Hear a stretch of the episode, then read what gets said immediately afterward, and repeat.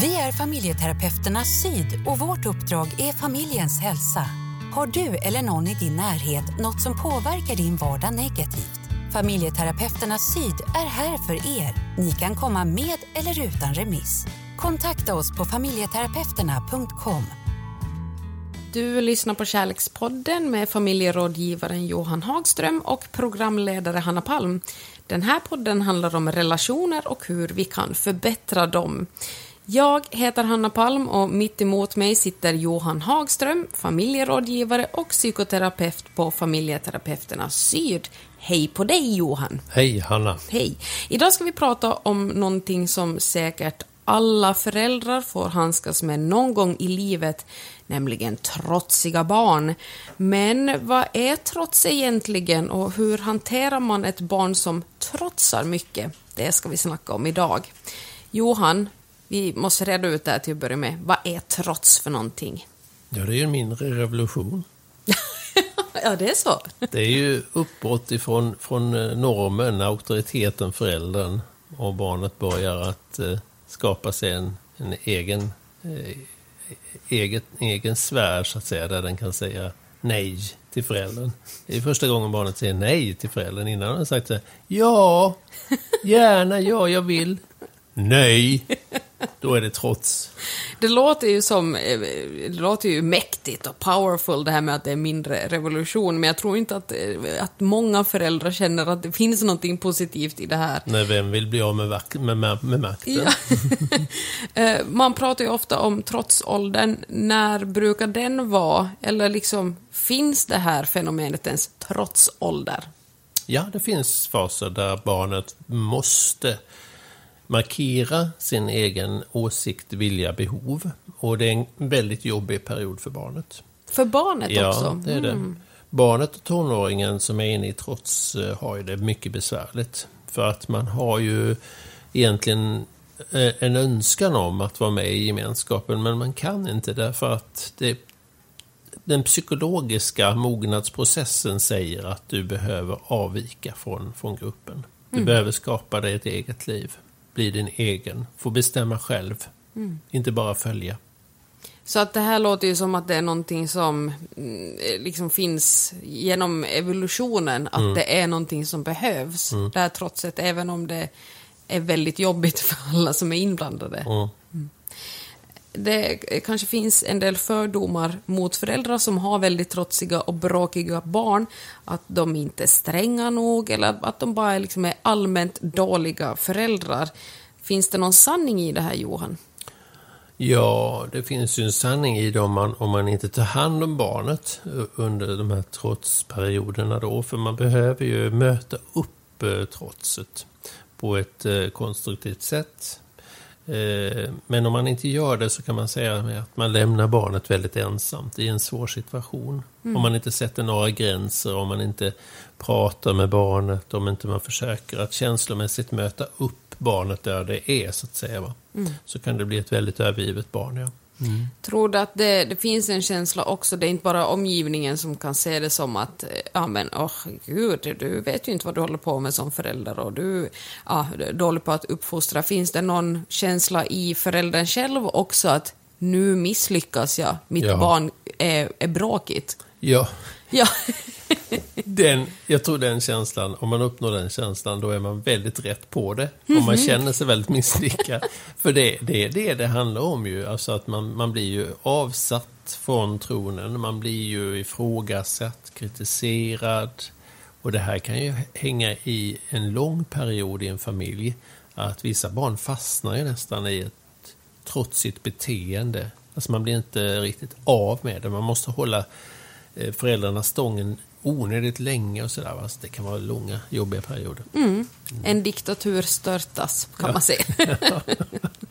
Du lyssnar på Kärlekspodden med familjerådgivaren Johan Hagström och mig som är programledare, Hanna Palm. Den här podden handlar om relationer och hur vi kan förbättra dem.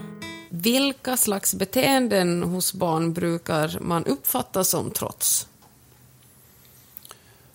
Ja, beteendet att kasta sig på golvet och skrika och sparka och slå. Klassiker. Eh, det är en klassiker, speciellt vid godisavdelningen i butiken. Eh, eller när man inte vill gå hem från en kompis förskola. Eh, och, eller inte gå dit. Mm. Man sätter sig, man, man, man, man skriker, man sparkar, man stänger in sig på rummet, låser dörren, springer och gömmer sig. Ja, Ja, det är de det är klassiska vanligaste. Ja. Kring matsituationer också känns det som att det kan finnas mycket trots. Matvägran. Man kan släppa ner mat på golvet. Ja, till exempel. kan man säga någonting om varför barn trotsar? Alltså ibland känns det ju som att ungarna är liksom jobbiga på att ren jäkelskap, bara för att vara elaka. Alltså är det, finns det någon sanning i det? Att de gör det för att ens, eh, liksom föräldern ska bli arg? Ja, man kan, man kan verkligen liksom känna så ju. Eh, att det är liksom verkligen på pin kiv ju. Men, men jo, men alltså det, det är ju det ju. Alltså det är ju att testa gränser. Va? Vad går min förälder för? för vad, vad klarar den? Alltså tänk tonåringen där. Det handlar ju mycket om att se vad, vad vuxenvärlden klarar. Eh, hur, hur långt kan jag driva det här tills vuxenvärlden ja, reagerar eller, eller inte håller riktigt längre och så. Va? Så det är en maktkamp, det är det ju. Mm. Och det, det ligger ju i sakens natur att eh, någon ska vinna den här maktkampen. Eller så ska man komma fram till att båda ger upp och säger okej, vi, vi sluter fred. Det är väl det bästa. Gud, det låter som att det är svårt. Det är mycket svårt. Men jag tänker att målet för båda parter är på något sätt att vinna, men är det någon som kan gå vinnande ur en sån här konflikt? förlikning. Jag tror det blir en förlikning. Mm. Det är det sättet man liksom kommer vidare. Ja. Eh, hur eh, bemöter man då ett barn bäst som inte lyssnar, som skriker, just slänger sig på golvet och liksom, ja, är oresonlig? Hur möter man barnet? Ja, nu ska jag ge dig ett fult tips här faktiskt som jag fått från en mamma. Ja. Eh, Hon la sig på golvet, mamman, bredvid sitt barn i affären och började bete sig likadant. Och barnet flög upp och bad sin mamma att ställa sig upp. Sen, gjorde, sen blev det aldrig mer, någon mer sån scen. Men det är ju inte många föräldrar som vågar göra, Nej. göra så. Va? Men, men, nej, men det handlar väl om, jag tror att det är mycket konsekvenspedagogik man kan använda här. Att ska det bli sådana här scener i affären så får du inte följa med in. Va? Eller, eller godis är bra, alltså då, då, då bestraffningar i form av, eller konsekvenser är det ju egentligen att, att eh, vi drar in veckopengen, vi drar in godiset på lördagen eller onsdagen eller vad man har det. Liksom. Att man lär barnet helt enkelt förhandling dels, att förhandla, och villkor. Eh, det finns vissa villkor man måste lev, följa och, och, och leva efter. Liksom. Man börjar ju introducera, vid tre års ålder är det ju faktiskt första gången man börjar introducera villkoren. Men är det, kan ett barn som är så litet förstå just villkor och Nej, man får ju, konsekvenser? man får ju åldersanpassa det. Ja. Absolut, ja.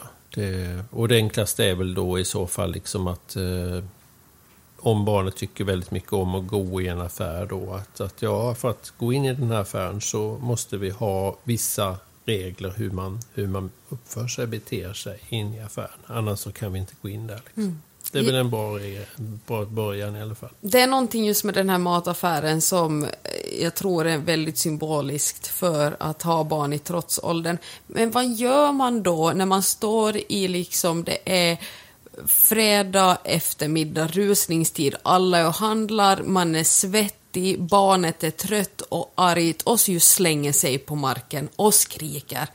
Hur gör man? Finns det någon liksom gyllene regel eller är det bara att liksom härda ut och liksom trycka in en eh, g- godisklubba i munnen? Ja, jag tänkte just på sockernivån är låg där, så in, in med godis innan man går in i affären. Då, Okej. Så att sockernivån är bättre. Blodsockret har ju mycket att göra, alltså påverkar ju aggression och, och stridslystnad och sånt. Va? Alltså, har du för lågt blodsocker eller, eller för högt blodsocker så, så kan det bli galet. Va? Så det är ganska bra att kolla av det här med mattider, hur mycket godis har ungen ätit, eh, för mycket eller för lite. Alltså, sockernivå, det är bra tänkt med sockernivån. Är man där då å andra sidan i affären och det är fredag och så. Ja, alltså vissa, vissa får ju ta ungen eh, och bära ut den. Va? Ja. Eh, därför att det här, det här blev för mycket. Just nu blev detta för mycket, både för mig och, och mitt barn. Jag bär det. Jag, det är ändå mitt barn, jag tar med det liksom. Vi beställer hämtmat ikväll. Vi, vi skiter i att handla nu. Jag går hit om en timme eller två när vi har fixat kvällsmaten och så. Det är många föräldrar som löser det så. Mm. Det, här, det här går inte, man ger upp. Va? Och många gånger är det bättre än att, än att föra den här striden, kampen, för den kan ju eskalera egentligen. Det är ju som många andra konflikter, de eskalerar om man driver det för långt. Liksom. Mm.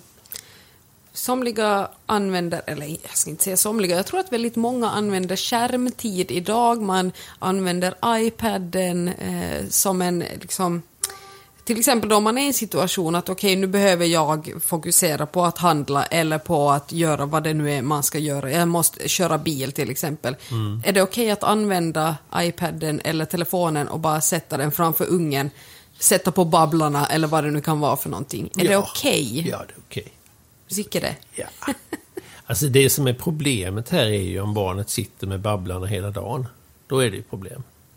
Men att använda det som ett... Eh, eh, skapa ett lugn i en situation där det behöver vara lugn för föräldern. Där föräldern behöver koncentrera sig på bilkörningen eller... Det handlar ju om överlevnad. Då sätter man ju på babblarna. Mm. Det är klart man gör. Ja, så Mm. att det, det finns ingen risk där att barnet kommer bli en skärmberoende zombie om man Inte, gör det där inte, då och då. Inte om man gör det eh, så, så liksom under en episod, utan, utan det är ju om, man, om, man, om barnet sitter där alltid liksom, och föräldern är likgiltig inför sitt barn, då Mm. är det ju problem, problematiskt. Det finns ju hur många metoder som helst för att hantera ett trotsigt barn. En del jobbar med time-out, andra höjer rösten och ser till på skarpen medan somliga helt sonika liksom ignorerar det här beteendet. Mm. Finns det någonting du tycker att man ska undvika om det går? Finns det något sätt som är, mm, nej det där är inget bra? Ja, alltså man får ju inte slå sina barn i Sverige, så att det får man undvika. Man får inte driva det så långt som man måste slå till sitt barn. Mm. Men man kanske behöver skapa attention genom att fokusera. Ta i barnet och få en ögonkontakt eh, så att man kan liksom komma i en dialog, komma i, prata om att, att, eh, vad det handlar om. Eh, eller vad, vad man behöver göra åt situationen. Går inte det så är det ju det andra, andra som jag nämnde i affären, att man tar sitt barn och går iväg, man byter miljö. Liksom. Och där är det ju ingenting att man snackar, utan där, där tar man bara barnet med sig. Och i bästa fall så, så släpar man inte sitt barn, som jag såg en förälder göra genom köpcentret. Det såg förfärligt ut, en skrikande unge som, som pappan släpade genom köpcentret. Men det var en pappa som löste en situation som var, var liksom, eh, ja, mycket, mycket svår för honom. Men, men jag tänker mig att när man, man, man ibland behöver flytta sitt barn liksom till en annan, en annan plats liksom, för att bryta någonting. Jag har eh, kollat en hel del på serien Supernanny som var verkligen populär ett tag. Den här brittiska bastanta kvinnan som Ja. kom in i, i liksom amerikanska hem. Hon hade liksom olika metoder, till exempel då timeout. Liksom också en klassiker. Sätta barnet, sit, nu sitter du på den här stolen i tre minuter för att du är tre år gammal. Och ja, sitter där tills du är lugn. Är det ett, en bra metod, tror Ja, du? det är en bra metod för barn som behöver en mer auktoritär styrning. Va? Eh, Då är det en mycket bra metodik. Nanny var ju bra på många sätt. Men, men sen problemet blir ju då om man har ett barn som, inte, som, som triggas av, av auktoritär fostran. Eh, Då, då kommer man ju att få problem. Då eskalerar det. Och då behöver man ha en annan strategi som man brukar benämna lågaffektivt bemötande. Och det är ju då att, att vara mera Eh, eh, strategisk. Man, man, man väntar in så att säga barnet. Man låter barnet hållas en, en tid och sen leder man bort det. det ett, som ett litet småbarn, alltså man, man leder det till, till någonting annat så att säga. För vi, man vet som förälder att går jag in här nu så, så kommer det bara bli mer. Det kommer bara utvecklas till en, en, en svårare strid. Va? Så att det handlar om att leda bort barnet från, från det här som, som som barnet går igång på också, vad det nu kan vara då, godiset eller, eller, eller att det ska bestämma över, över en matsituation eller vad det kan vara. Ju. Mm. Och läggdags, det kan ju också vara en källa till konflikt. Mm. Där finns det väl också hur många metoder som helst. Eh, Just om vi då ska ta Supernanny som ett exempel igen, det går ju då ut på att man ska sätta sig i rummet eh, liksom med ryggen mot barnet och även om barnet skriker och ropar så bara sitter man där och liksom markerar att jag är här, men man möter inte liksom eh, barnet. Eh, är det någonting du tror är, är bra? Det kan passa, det kan passa barn som klarar av den här avvisningen. Om man vänder ryggen åt en hund till exempel, det gör ju tiken, eh, mamman, eh, för att få, få valpen att söka, söka sig tillbaka till, till sin mamma. Men det finns ju, det finns ju individer som, som eh, ja, det blir, det blir traumatiserande för dem att bli, bli avvisade. Då. Så där får man ju känna in vad man har för, för barn. Ja. Mm. För det finns också metoder som har varit också populära vet jag i, i Sverige och i övriga länder. Den eh, omdebatterade fem minuters meto- metoden att man låter barnet skrika, man går inte in till det, man tröstar inte förrän då man väntar i fem minuter och sen går man in och vischar och så här försöker lugna ner och sen går man ut igen. Och till slut så kanske barnet slutar skrika. Är det här någonting Mm, som det man kan, man jobba pröva. med? Det kan man pröva. Mm. Eh, Det viktiga där är ju, är ju att föräldern känner sig bekväm och trygg. För barnet känner ju av hur föräldern känner. Så om du kör en sån metodik då och, och du som förälder är väldigt bekymrad och orolig över metodiken. Du gör den för att det, det är rekommenderat. Då kommer barnet känna av att eh, mamma och pappa är inte trygga med det här. Så då kommer du aldrig få barnet lugnt i alla fall. Så att det är också, ja, känna efter lite grann vad man känner sig bekväm Vad, med vad som känns bekvämt förälder. för mig? Liksom? Ja, precis. Vi var väl inne och snudda i det lite grann, men om ett barn blir väldigt fysiskt och slår och sparkar och klöser, det kanske är hanterligt när barnet är väldigt litet, men om det är ett äldre barn som reagerar med ilska på det här sättet, hur gör man, hur gör man då som förälder? Ja, varför sparkar och klöser barnet? Hade jag varit intresserad av då.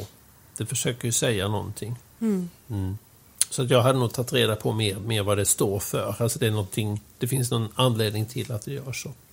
Den uttrycker ju känslor genom att vara fysisk. Och, och, och, och hur ska vi ha det? Ska vi klösa varandra i denna familjen? Alltså det, där kommer man återigen in på det här med villkoren. Eller kan du uttrycka känslorna på ett annat sätt som blir mera okej för mig än att jag ska ha klösmärken på mig? Det måste vara ganska läskigt, tänker jag, som förälder om man utsätts för det kanske upprepade gånger, att man kanske till och med blir lite rädd för barnet, att åh, om liksom, det blir ett snedsteg här eller någonting går emot barnet så kommer det att utlösa slag och sparkar och liksom att det gör ont att ha med barnet att göra. Hur jobbar man kring det? Ja, alltså det blir ju väldigt provocerande om inte man som förälder vet varför barnet gör så här. Eh, Det blir lättare för barnet att, ta det om man vet om att ens barn kanske inte är fullt fungerande när det gäller eh, mentalisering. Alltså att förmågan att förstå att eh, det gör ont på den andra när jag gör så här. Det kan finnas en autism, problematik som gör att barnet beter sig så här. Va? I, vissa, I vissa utvecklingsfaser så är, är ju barn autistiska. Eh, De kan inte förstå att det gör ont när jag slår spaden i huvudet på min kompis Kalle eh, i sandlådan. Eh, Man kan säga att barnet är autistiskt när det, när det är i den fasen.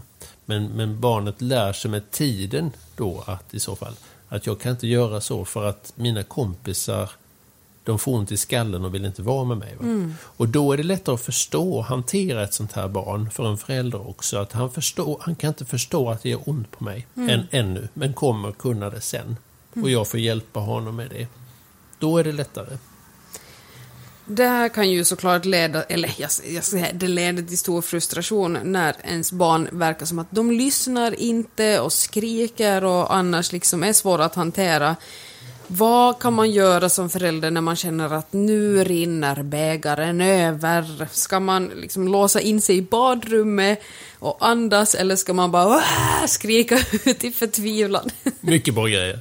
Badrummet, skrika, andas, eh, springa ut och springa en runda, gå ett varv runt huset. Eh, eh, liksom, eller ta en sån här mental eh, break, bara tänk.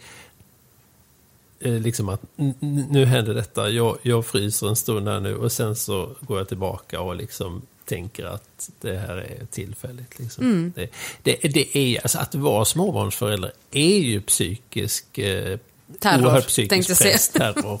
Eh, det, det är, man, man är verkligen liksom eh, på knivsäggen ju. Mm. Eh, Men tänk vad det vässar och utvecklar mig som människa. Att Mm. Men det- vara där. Det känns säkert... Otrolig potential att växa psykiskt som människa faktiskt. Ja, man blir en krigare. men just det här med att ja, men skrika och höja rösten, är det någonting som, är det okej att göra eller liksom har man skadat barnet för evigt om man höjer rösten? Nej, man har inte skadat barnet. Man har ju visat att nu är jag förbannad och eh, desperat och frustrerad när det blir så här. Mm. Alltså man visar upp sin mänskliga sida för barnet och det lär barnet sig av. Så att det är ingenting man jag behöver ha dåligt samvete för. Nej, jag tror att vi har blivit lite för rädda för att visa att vi också kan bli förbannade, irriterade, ledsna. Eh, alltså barnet söker ju en gräns ju. Mm. Så i bästa fall så kanske barnet förstår att aha, pappa blev ledsen eller mamma blev ledsen, förbannad på mig nu för att jag, okej, jag gjorde det, ja. ja. Alltså det går ju in någonstans ändå. Mm. Så att vi, alltså, vi ska inte vara för rädda för att visa känslor för våra barn. Alltså det blir ju jättekonstigt ju. Ja. Du lyssnar på Kärlekspodden med familjerådgivaren Johan Hagström och mig som är programledare, Hanna Palm. Den här podden handlar om relationer och hur vi kan förbättra dem. Det kan ju vara så att man är av olika uppfattning om hur man ska hantera ett utåtagerande barn i en relation. Hur ska man, ja, vad, vad tar man till om man har vitt skilda åsikter kring det här? Att kanske en av föräldrarna jobb, vill jobba med, med att ja, men man ignorerar barnet och låter dem liksom hållas och trötta ut sig själv medan den andra kanske är lite mer hands-on. Eh, hur, hur gör man i en sån situation? Mm. Om inte det är för skilda åsikter och tankar om hur man ska uppfostra barnen så är det okej. För barnet får ju en, en bredd, en, en repertoar hur man kan eh, uppfostra och, och man, barnet skapar ju olika relationer också då till sina föräldrar vilket är sunt ju. Men det är klart, om det blir för, för vitt skilda uppfattningar och, och det blir konflikt kring det och så, så är det ju missgynnsamt för barnet. Därför att barnet får för stort spelutrymme i familjen, så det kan ta över makten i familjen eh, och bli förälder åt föräldrarna. Så att här är det viktigt att föräldrarna ändå håller sig inom ett visst normalspann för, när det gäller olikhet. Man kan också tänka sig att föräldrarna behöver eh, gå i familjerådgivning och prata om hur man ska göra med den här olikheten. Inte att man är olika, för det ska man få vara, men hur man ska göra med olikheten. Man kanske kan göra någon slags, eh, komma, göra en kompromiss. Okej, du tycker så, jag tycker så. Vi gör så här då. Då får ju barnet ändå en ganska så god leverans av pedagogik. Men barnet blir liksom inte helt förvirrat om det är så att man kanske har lite olika metoder. När barn lär sig eh, att, att hantera, nu är, pappa, nu är det pappa kväll ikväll, okej, då gäller detta. Nu är det mamma, då gäller detta. Nu går vi in på lite, eller väldigt mycket allvarligare, en allvarligare del här av uppfostran av då kanske då trotsiga barn. Eh, vad gör man om det är så att ens partner då till exempel använder rent fysiskt våld för att hantera den här trotsigheten? Att man kanske tar i lite för hårt eller smiskar eller någonting ännu allvarligare. Det kan ju vara väldigt, eller mycket, mycket svårt som partner och som andra föräldrar att ha med det här att göra. Vad gör man i en sån situation? Alltså fysisk aga får vi inte göra i Sverige. Det, det är väldigt enkelt. Sen kan man tycka vad man vill om det. För, för viss fysisk kontakt har du som förälder med ditt barn, så var går gränsen? Men om man som förälder upplever att ens partner är för hård eller, eller att man ser att barnet får illa av behandlingen, då, då behöver man ju faktiskt eh, gå till familjerådgivning och prata om det. Mm. Och få hjälp med eh, eh, den olikheten. För den, den kan ju leda in till att även paret får problem sinsemellan. Då kanske man i något skede känner att man borde koppla in eh, liksom, hjälp eller sociala myndigheter eller vad det nu kan vara utifrån. Eh, då kanske man är rädd också att ja, men då kommer eh, kanske jag, jag som förälder bli satt under lupp eller hur det nu kan vara. Men hur viktigt är det ändå att man vågar ta det här steget om man märker att det här är helt ohållbart? Ja, jag tycker verkligen man ska söka hjälp. Men det finns ju jättefin hjälp idag eh, via socialtjänsten som heter familjebehandling. Där man kan få ett stöd in. Det är inte som en nanny, men nästan åt det hållet. Som går in och hjälper till eh, med samspel och eh, uppfostrings med pedagogik. Eh, hur ska vi tänka kring det här? Är det för mycket eller för lite? Eller så. Jättefin verksamhet faktiskt som, som kommunerna tillhandahåller. Så hjälp ska man söka på något sätt. Familjerådgivning, om man behöver lösa som par då en olikhet, eller familjebehandling om man upplever att barnen verkar fara illa. Mm. Det kan ju som sagt vara lättare sagt än gjort att be någon utomstående om hjälp. Eh, för att det finns ju kanske mycket så här prestige i det här med att vara förälder. Det kan vara, alltså, man vill ogärna kanske erkänna att man brister. Det finns en skam i det. Men när, när vet man att det är dags att söka hjälp? Är det liksom när, just att man märker att okej, men barnen far illa av det här? Och hur kommer man över den här tröskeln att ändå liksom våga söka hjälp? Jag, tycker, jag tycker det är väldigt mycket vanligare idag att, att familjer söker hjälp. Och ofta är det familjerådgivningen man börjar med. Eh, den är lättast också att eh, söka sig till därför det finns så mycket diskretion kring den. Alltså man behöver inte skylta med namn eller journalföras eller så, utan det är väldigt mycket skydd i den. Man, och den är också som en samhällsinstitution, många känner till den, många har gått i familjerådgivning. Det är få, väldigt många som har gått i familjerådgivning någon gång under sitt liv. Och jag är så glad för det, därför jag brinner ju lite extra för fam- familjerådgivningen eh, som, som, som verksamhet och så. Och vi, vi arbetar ju också själva med det mycket. Ehm, och jag tycker mig att man, det, den har bra siffror också. Om man tittar på studier och så, så är det ju så att det över lång tid också håller i sig det här resultatet man får när man går i familjerådgivning. Mm. Men om det var svar på din fråga, kommer jag Ja, på nu, var det- det inte... tycker jag. Ja. Det tycker jag ändå. Man behöver inte känna... Alltså att nej, det blir mindre vanligare. Skam, jag tror det är minst, mindre skambelagt. Sen, sen kanske jag ändå ska säga det att det är, ju inte, det är inte den lyckligaste stunden i en familjs liv att man går och ber om hjälp för att man inte klarar av att ta hand om sitt barn. Eller att man inte sam, samspelar med sin andra part då i föräldraskapet.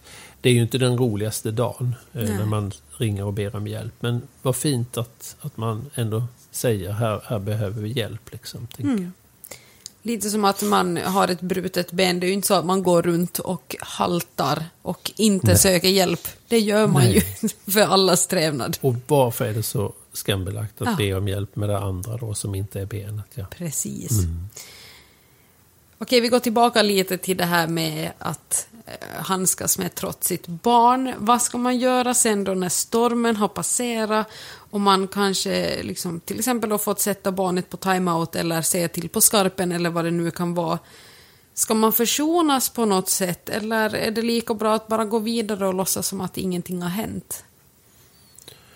ja, det kan vara bra att, att uh, låta det passera, att det, att det är färdigt. Uh, det, kan, det kan vara klokt i vissa lägen.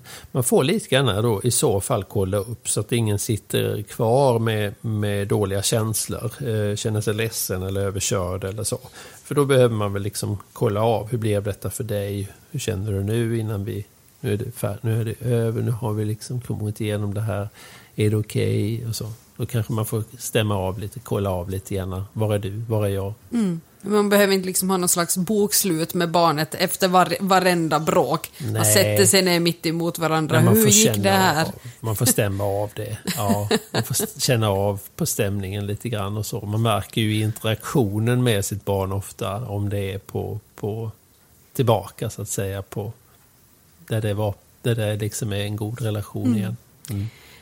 Avslutningsvis, Johan, har du några tröstande ord eller råd eller tips nu om det finns en småbarnsförälder eller en förälder överlag som har ett barn hemma som trotsar väldigt mycket. Har du några, någonting du vill säga?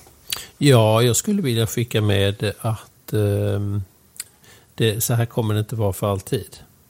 Och eh, känner du att det här blir dig övermäktigt så finns det hjälp att få. Eh, familjerådgivning, familjebehandling eh, och annan form av stöd och rådsamtal som, som kan, kan, kan hjälpa dig. Mm. This too shall pass, som man brukar säga. Ganska härliga ord att ha med sig när livet känns tufft överlag. Mm. Tusen tack för det här Johan. Vi kommer tillbaka såklart med flera avsnitt med flera olika ämnen. Om det är så att man sitter och mm, känner att det här har de missat, det här borde de ta upp, det här vill jag höra mera om. Vart hör man av sig i så fall Johan? Ja, då tycker jag man lägger ett mejl till familjeterapeuterna syd och det är info familjeterapeuterna.com. Tack så mycket Johan. Tack Hanna. Vi är familjeterapeuterna Syd och vårt uppdrag är familjens hälsa. Har du eller någon i din närhet något som påverkar din vardag negativt? Familjeterapeuterna Syd är här för er. Ni kan komma med eller utan remiss. Kontakta oss på familjeterapeuterna.com